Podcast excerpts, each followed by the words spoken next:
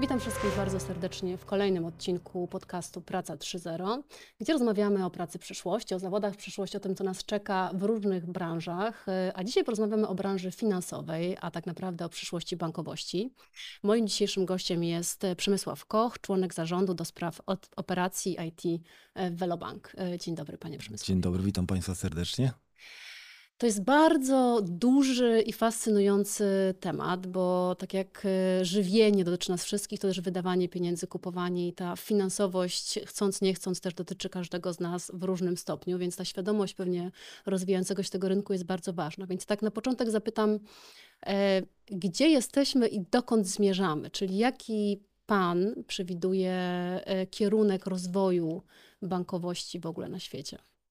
Bankowość zmienia się bardzo dynamicznie, tak jak zmienia się nasz, nasz świat, bo no, żyjemy w świecie, gdzie jednego dnia ma, obcujemy z innowacją, następnego dnia to już nie jest innowacja, to jest coś, co jest dla nas chlebem powszednim, kolejnego dnia to jest już rzecz, która jest pase, która jest przeszłością, którą możemy znaleźć w muzeum.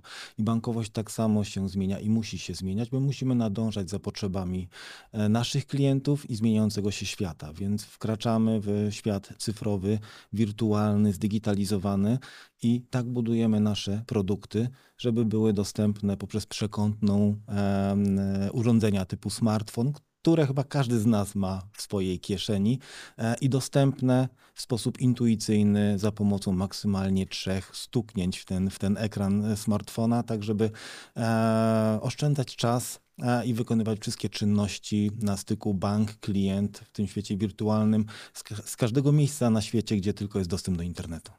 Czyli bankowość tak trochę adaptuje się do tego postępującego e, świata technologii z jednej strony, ale też mnie ciekawi, czy ona sama kreuje jakieś trendy. Czy są takie trendy e, bardzo jednoznacznie związane z samym tym światem finansowym, które, które, które właśnie, których źródłem jest e, bankowość? Musimy kreować e, trendy, e, bo, e, bo podążamy z oczekiwaniami naszych klientów, którzy są coraz bardziej cyfrowi i nasi klienci oczekują tego, że, że bank będzie przy nich zawsze i w tym momencie, kiedy oni potrzebują banku. Więc budujemy usługi w, w takim modelu embedded finance, czyli to są usługi, nie do końca związane z bankowością, czy takie usługi, które w pierwszej chwili w ogóle nie kojarzą się z bankowością, bo to może być płatność za e, przejazd autostradą, za parking, kupno biletu e, na, na, na pociąg. I dostarczamy takie usługi naszym klientom, gdzie one mają w sobie ten integralny element banku, e, finansów, E, żeby uregulować płatność za, za taką usługę. Więc wkraczamy w ten świat, budujemy takie usługi, które są e, komplementarne, składają się z tego elementu życia każdego z nas z elementem finansowym. E, chcemy być w tym miejscu, chcemy być przy naszym kliencie w każdej chwili, kiedy on będzie potrzebował banku, by zapewnić finansowanie, by mu pomóc w tych codziennych bolączkach związanych z zarządzaniem finansami. Czyli bank co, przestaje być takim e, miejscem, do którego się idzie, stoi w kolejce, potem rozmawia się z panią w okienku. Rozumiem, że mamy dostęp do tego tu i teraz i nie jest to tylko przechowywanie pieniędzy, ale też mnóstwo usług, o których e, pan mówi. E, no i czy, zniknie ten, ten standardowy bank fizyczny, czy to wszystko przeniesie się gdzieś tam w ten świat aplikacji z jednej strony, no ale za chwilę przecież świat wirtualny. Czy zniknie? No dzisiaj mamy taki model hybrydowy, e, gdzie z jednej strony staramy się dostarczyć e, kompletny zestaw usług e, bankowych w tym świecie właśnie wirtualnym, cyfrowym, poprzez aplikację mobilną banku. Z drugiej strony mamy nasze oddziały, gdzie cały czas można spotkać się z naszym pracownikiem, porozmawiać o, o potrzebach finansowych i dopasować ofertę finansową banku do potrzeb danego klienta. Widzimy, że, e, że ten model jest dzisiaj optymalny, bo nasi klienci w momencie, w którym potrzebują bardziej złożonych usług finansowych, e, domagają się tego tak zwanego human touch, czyli kontaktu z człowiekiem, który im pomoże, wytłumaczy e, i wybierze optymalny E, pakiet e, produktów bankowych e, dla danego klienta w danym momencie życiowym, w danej chwili i w danej lokalizacji. Więc to jest hybryda. W jakim kierunku to pójdzie, ciężko mi powiedzieć, bo możliwe, że ten human touch, o którym powiedziałem, przeniesie się do tego świata wirtualnego i będziemy się spotykać, będziemy ze sobą rozmawiać, tak jak my dzisiaj ze sobą rozmawiamy, ale na przykład w metaversum czyli w tym, tym świecie wirtualnym, gdzie e, założymy sobie gogle na, na, na oczy i, i, i to całe biuro będzie, będzie e, czy to całe studio nagraniowe będzie, będzie studiem wirtualnym, gdzie nagramy sobie taki podcast e, w świecie rzeczywistym, znajdując się o setki kilometrów od siebie. A co z walutą? No bo y, też y, tak krąży tutaj dookoła tych tematów bankowości, bo chciałabym tak narysować trochę ten krajobraz tej przyszłej bankowości.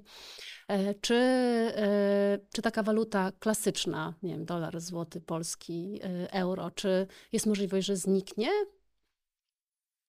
Znaczy na tak postawione pytanie, no to odpowiem, jest taka możliwość. Ale czy zniknie i kiedy zniknie, no to tutaj już wchodzimy w jakieś dywagacje dotyczące przyszłości, także przyszłości pieniądza. No, są kraje, które intensywnie pracują nad tym, żeby wprowadzić pieniądz cyfrowy. E, mamy taki eksperyment e, socjalny wprowadzony w Chinach, e, gdzie taki pieniądz już funkcjonuje.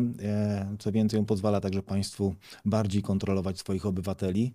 E, ale czy jeden pieniądz cyfrowy powstanie na całym świecie? Ja tu widzę duże, duże przeszkody i bariery, bo, bo mamy różne kraje, różne rządy, mamy granice, które, które cały czas jeszcze nas dzielą i co w sytuacji, w której e, przyjedzie do nas, do, do państwa, w którym będzie wprowadzony e, pieniądz cyfrowy, człowiek z zagranicy, który nie miał dostępu do takiego pieniądza, jak będziemy e, doładowywać jego portfel tym pieniądzem cyfrowym, żeby w danym kraju mógł, mógł się nim posługiwać. Więc to jest dużo wyzwań przed, przed nami, e, ale świat idzie w tym kierunku i, i też bacznie się przyglądamy e, zmianom dotyczącym wprowadzania pieniądza cyfrowego. A jakie są benefity tego pieniądza cyfrowego? Po co w ogóle? Skąd ten pomysł i po co? Wydaje mi się, że pomysł powstał w momencie, w którym pojawienie się kryptowalut na, na rynkach światowych dość mocno e, namieszało. E, no, kryptowaluty opierają się na tym elemencie cyfrowym i E, no i zostały wykorzystane w sposób taki nie do końca zgodny z literą prawa, bo, bo bardzo szybko przestępcy zaczęli wykorzystywać kryptowaluty, żeby, żeby posługiwać się e, nimi w sposób anonimowy e, do, do przeprowadzania transakcji niekoniecznie zgodnych z, z prawem. I, I tutaj pojawiła się taka nisza E, związana z wprowadzeniem pieniądza cyfrowego opartego na algorytmach krypto, kryptograficznych, ale regulowanego przez państwa, żeby zapewnić to bezpieczeństwo e, osobom posługującym się kryptowalutami, bo e, no, koniec końców wiele osób chcia, zainwestowało w kryptowaluty, nie miało żadnych niecnych planów, liczyło na duży zysk i, i straciło swoje pieniądze w związku z właśnie fraudami e, związanymi z giełdami kryptowalut. Więc, e, więc ta, wydaje mi się, że ten, ten element regulacji pieniądza cyfrowego przez, przez e, państwo jest potrzebny, żeby osoby posługujące się takim pieniądzem miały, miały jakieś poczucie bezpieczeństwa, że, że nie, nie zostaną na lodzie i że, i że ten pieniądz nie wyparuje, jak to miało miejsce w przypadku kilku giełd kryptowalutowych. Jest to związane z technologią blockchain. A czy w ogóle ta technologia też, e, myśli Pan, będzie miała duży wpływ na, e, na bankowość e, na świecie i rozwój? No powiem tak, znaczy technologia blockchain to, to jak dla mnie taki buzzword sprzed kilku dobrych miesięcy, a może nawet już lat, czyli E, gdzieś rok, dwa lata temu wszyscy mówili o technologii blockchain, że ona zrewolucjonizuje nasz, nasz świat, sposób e, funkcjonowania, także sposób funkcjonowania w świecie tym, tym finansowym. E, tak się nie stało. Dzisiaj, patrząc z perspektywy czasu, no widzimy, że to był taki buzzword, to była technologia, którą można wykorzystać a mm, dużo zależy od tego, jak ją wykorzystamy i czy w danym przypadku e, ona ma swoje zastosowanie, czy, czy pozwoli nam osiągnąć cel w sposób optymalny, bo, bo czasami e, stosowanie tak złożonej technologii blockchain, czyli, czyli e, sieci, gdzie powielamy dane na każdym węźle tej sieci, nie jest zbyt przekombinowanym sposobem, zbyt kosztownym sposobem do zrobienia prostych rzeczy. Czas e, zweryfikował te, te, te, te podejście. Nie wszędzie technologia blockchain jest optymalną technologią, żeby, żeby budować proste rozwiązania, dlatego też no, dzisiaj mówimy o tym, że to był taki, taki te, zachłuśnięcie się chwilą, kolejny buzzword, który, który e, został zweryfikowany przez czas, e, przez te kilka miesięcy czy, czy lat, które, które minęły od tego momentu, gdy wszyscy mówili o blockchainie. Też e, rzeczywiście był taki moment, kiedy ta idea blockchainów miała wpływ na ten pomysł decentralizacji banków. Czy to znowu e, ma rację bytu, czy w tą stronę, czy pójdzie rozwój tej bankowości, czy to będą jakieś takie równoległe jednak e, kierunki, w którą podąży mm, ten sposób finansowania? Znaczy, jeżeli chodzi o mm, centralizację i decentralizację e, banków i sektora finansowego, jak dla mnie ten proces jest ciągły. Ten proces jest jakbyśmy się poruszali po sinusoidzie. W jednym momencie jesteśmy w, w, e, E, na szczycie, gdzie, gdzie mówimy o tym, że należy centralizować, banki się konsolidują, że to jest kierunek optymalny. Po jakimś czasie znajdujemy się po, po drugiej stronie sinusoidy, gdzie e, mówimy, że jednak nie, że, że trzeba zapewnić dy, dywersyfikację, że że no, nasz świat nie, nie lubi pustki, więc jeżeli zbyt mocno się skonsolidowaliśmy, to powstały e, przestrzenie do, do wypączkowania nowych podmiotów, nowych instytucji, nowych banków.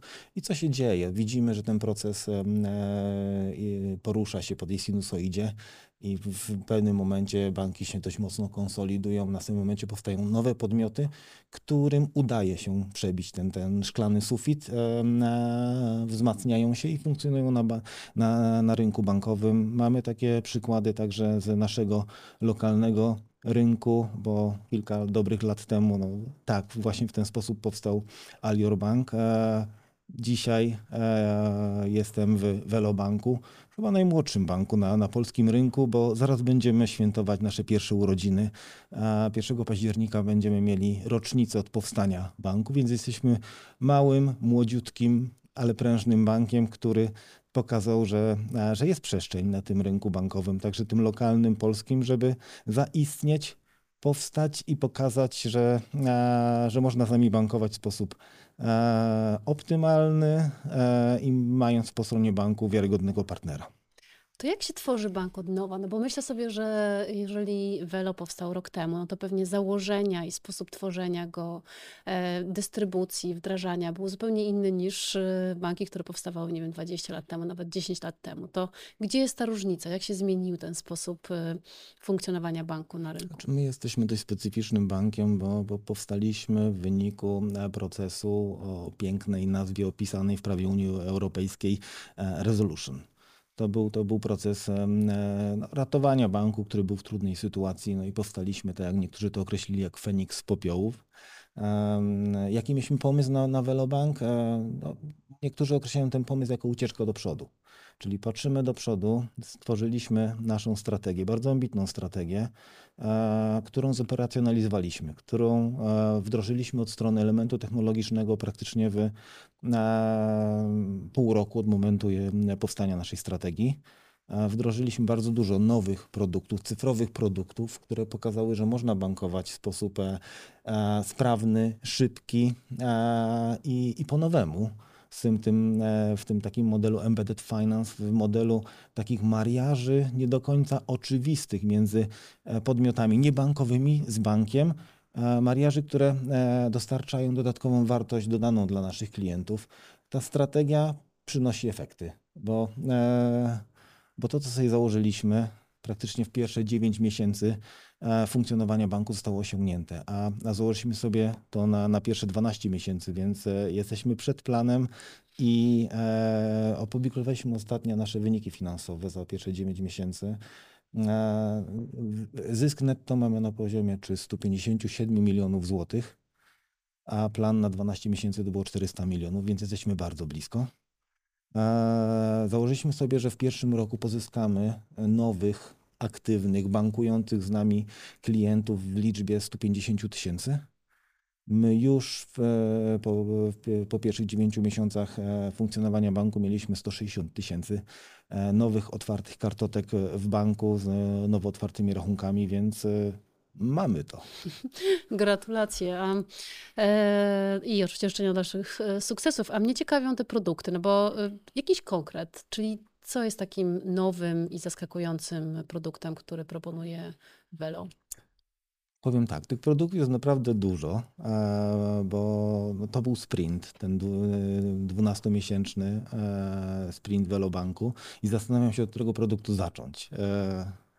E, może zacznę od cyfrowej hipoteki, bo jesteśmy pierwszym bankiem na polskim rynku, który przygotował produkt, który my określiliśmy jako cyfrowa hipoteka. Produkt Velodom.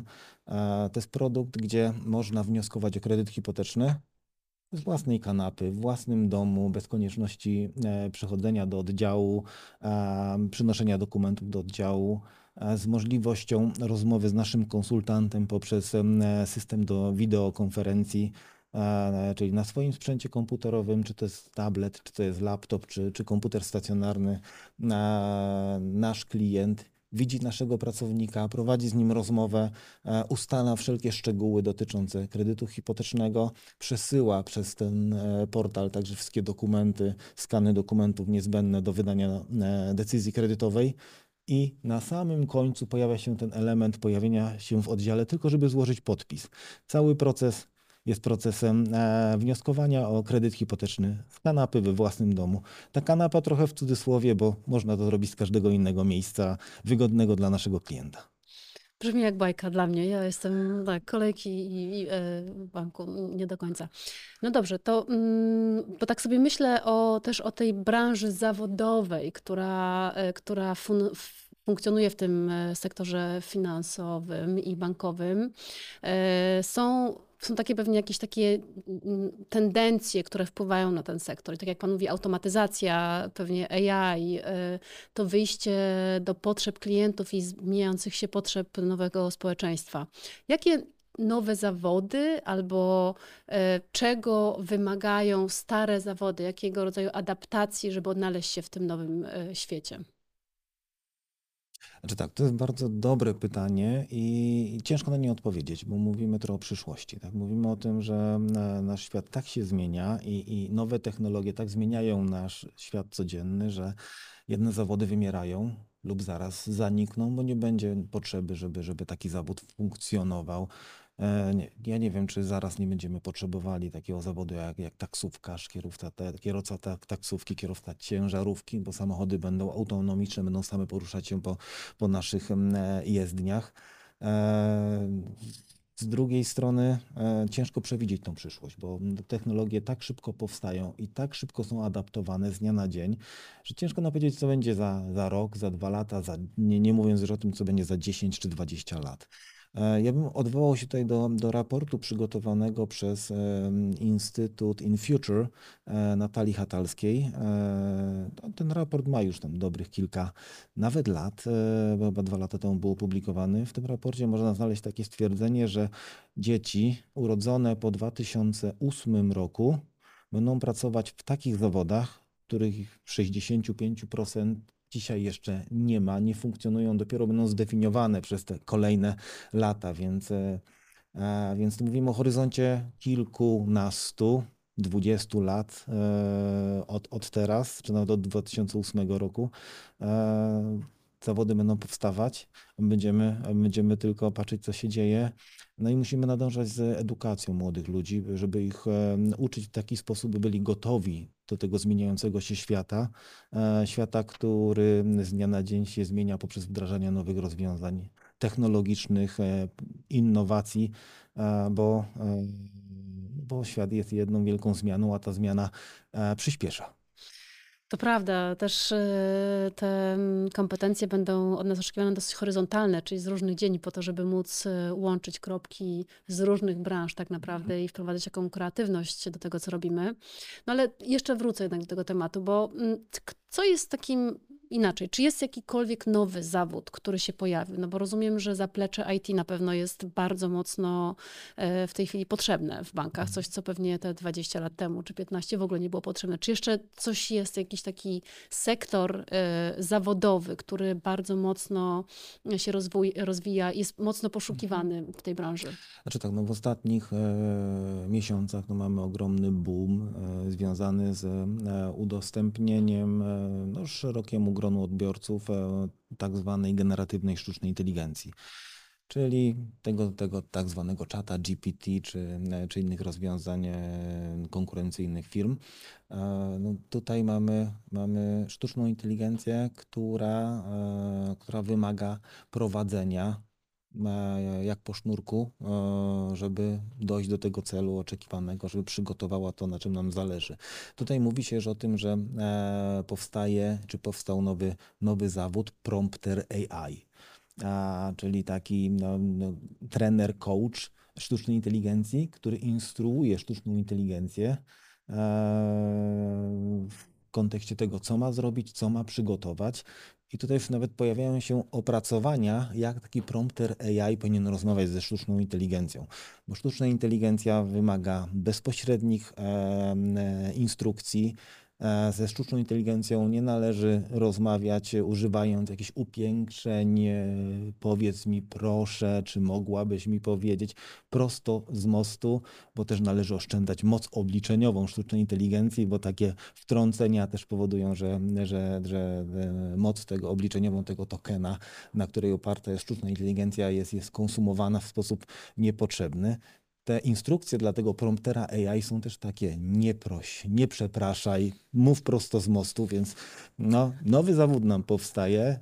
e, Osoby, która będzie rozmawiać ze sztuczną inteligencją w taki sposób, by ona zrozumiała o co chodzi najprostszy, najszybszy sposób i szybko dostarczyła ten oczekiwany efekt. Ciekawe, czy ludzie też zaczną tak ze sobą e, rozmawiać, tak sobie pomyślałam, równoważnikami e, zdań z bogatą treścią. A gdzie jeszcze AI? No bo rozumiem, że na pewno, e, nie wiem, w chatbotach, prawda? To jest takie miejsce generatywnej AI, które będzie mocno wykorzystywane. A gdzie jeszcze w bankowości AI będzie jest przydatne?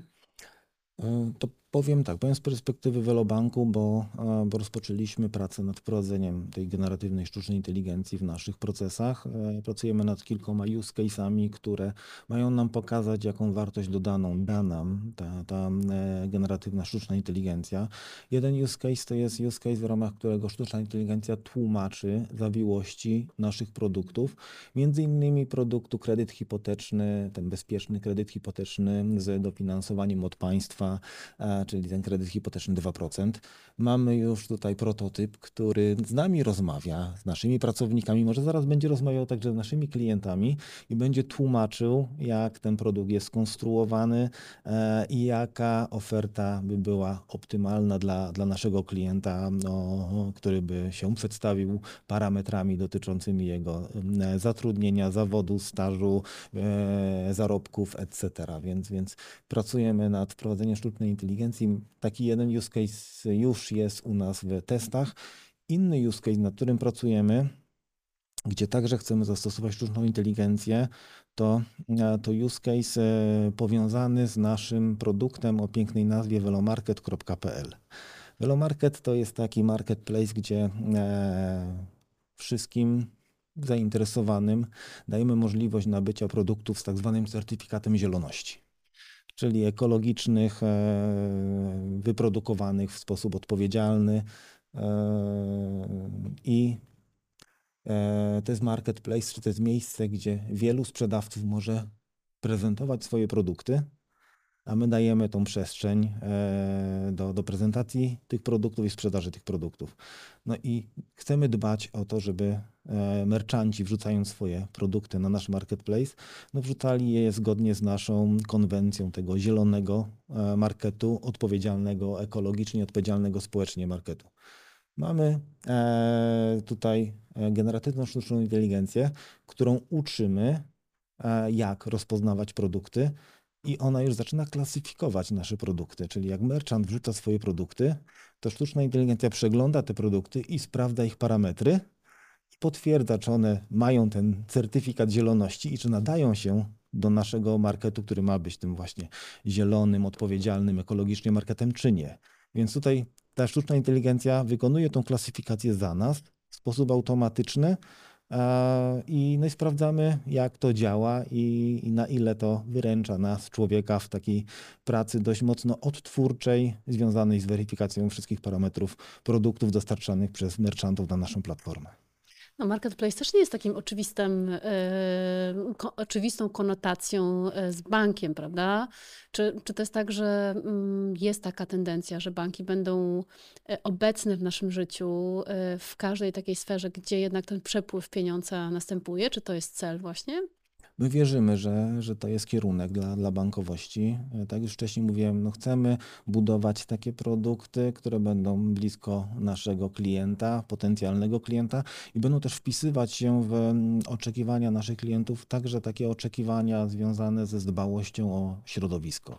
Dlatego też taki pomysł, uruchomienie takiej platformy sprzedażowej velomarket.pl, gdzie bank jest jako, jako ten element związany z realizacją płatności, gdzie dla klientów Velobanku jest tam dodatkowy upust e, i gdzie bank gwarantuje naszym klientom czy klientom tego, tego marketu, że e, kupują produkty, które są ekologiczne, wyprodukowane w, zgodnie z e, tą kon, koncepcją ESG. Więc e, wierzymy w taką, taki koncept, wierzymy w ten embedded finance i dlatego idziemy w takim kierunku, dlatego wykonujemy ten, tą, tą tak zwaną ucieczkę do przodu. Tak? Szukamy nisz dla banku, aby stać się tym bankiem przyszłości, bankiem XXI wieku, w który nasi klienci i potencjalni nowi klienci uwierzą. A jak się buduje zaufanie? No bo mm, chyba to jest taka jedna z ważniejszych wartości, prawda, która jest oczekiwana w tej relacji klient-bank. To jest dobre pytanie, bo, bo tak, zaufanie musimy budować naszym klientem, bo zależy nam na tym, żeby nasz klient widział w nas partnera, wiarygodnego partnera, który dba o jego finanse i który e, w odpowiednich momentach w czasie poinformuje go o ważnych e, zdarzeniach czy, czy, czy informacjach dotyczących jego finansów.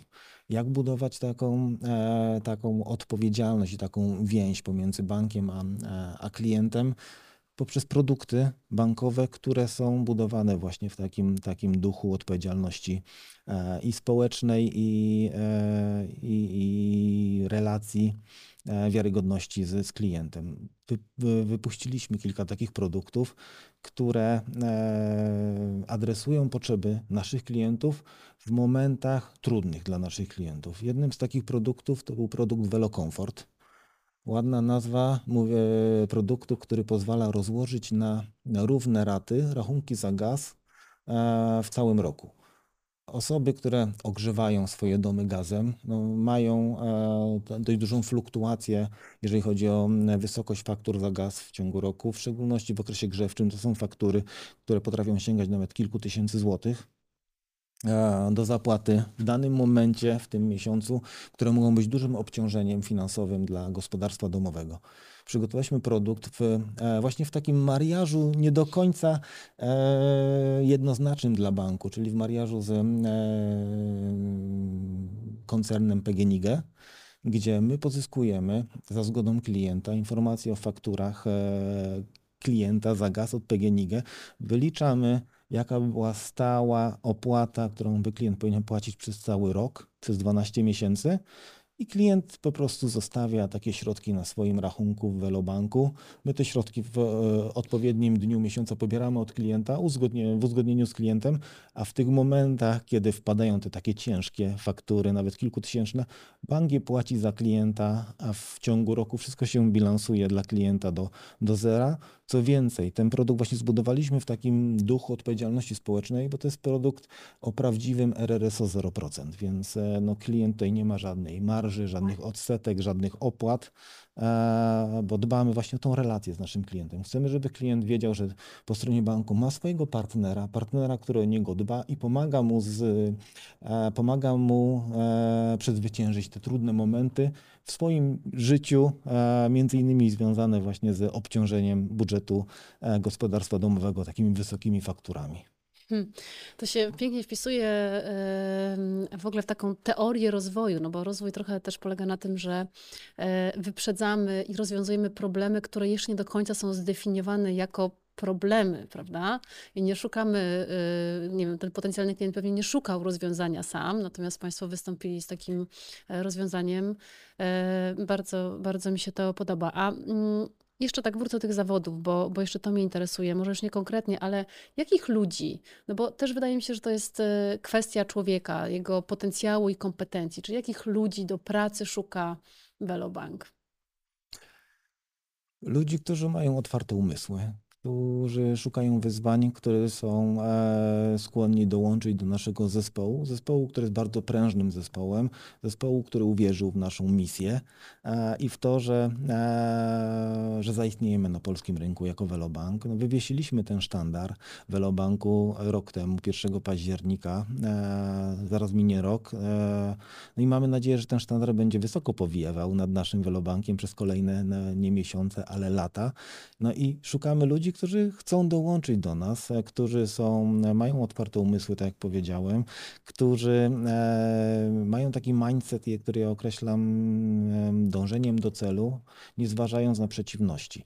Bo, bo ważne jest to, żeby szukać rozwiązania i dojścia do celu, a nie zatrzymywać się na, na problemach, przeciwnościach, które zawsze się pojawią. E, udało nam się zbudować taki zespół w Velobanku, który właśnie uwierzył w naszą misję i uwierzył, że można e, realizować rzeczy, które w pierwszej chwili wydają się e, mission impossible. I, I, ten rok, te 12 miesięcy pokazało, że, że można. Ja powiem trochę nieskromnie, ale my w wielu obszarach zadziwiliśmy ten, ten sektor bankowy w Polsce e, tempem wdrażania nowych produktów, innowacyjnych produktów, cyfrowych produktów, e, a udało się to nam to e, właśnie dlatego, że e, zespół uwierzył, że można. E, i zespół e, zaczął pracować w takim mindsetie szukającym rozwiązania w terminie, który no, jest bardzo ambitny, agresywny, ale nie było mowy o tym, nie można, nie da się, nie w tym terminie, tylko szukaliśmy wspólnie rozwiązania. To co zrobić, żeby się udało? Jak można to zrobić? Czasami te rozwiązania były, ja je określam tak trochę z przymrużeniem oka, prawą ręką przez lewą nogę, ale szukaliśmy takich rozwiązań i się udawało. E, w naszej organizacji takie, taki sposób pracy, nieszablonowy, e, szukając tego dojścia do celu, tego celu, który jest bardzo blisko, oddalony o kilka tygodni od dzisiaj maksymalnie, a nie kilka miesięcy czy lat, e, określiliśmy takim mianem jak Extreme Agile, czyli jesteśmy ekstremalnie zwinni, nic nas nie zatrzyma, jest cel, znajdziemy sposób go zrealizować w tym ambitnym e, horyzoncie czasowym. Hmm. To tak na koniec, e, gdzie będzie Velobank za 10, 15, 50 lat? 10, 15, 50.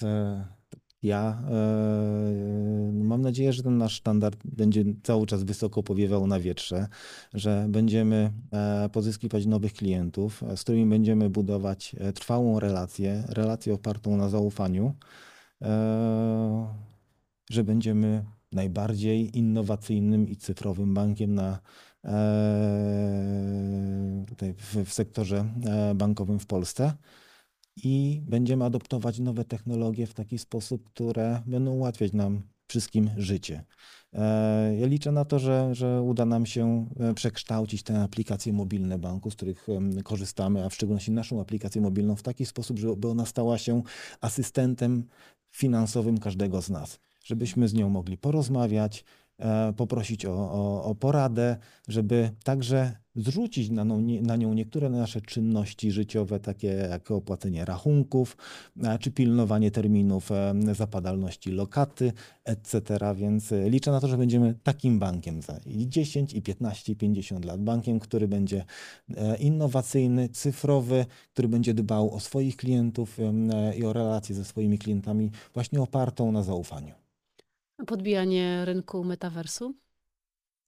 E, to wcale nie, nie, nie przekreśla tego, że, że będziemy właśnie bankiem, który będzie też funkcjonował w, w metaversie, czyli w tej e, rzeczywistości wirtualnej, bo jeżeli tam będą nasi klienci, to my tam też musimy być. My musimy być przy naszych klientach. Jeżeli nasi klienci będą chcieli bankować metaversum, Velobank będzie tam z naszymi klientami. Bardzo dziękuję e, za rozmowę. Życzę dalszych e, sukcesów i trzymam kciuki, bo rzeczywiście ta misja, o której Pan mówi, i wdrażanie tych wszystkich rozwiązań ma sens. Dziękuję bardzo. Dziękuję.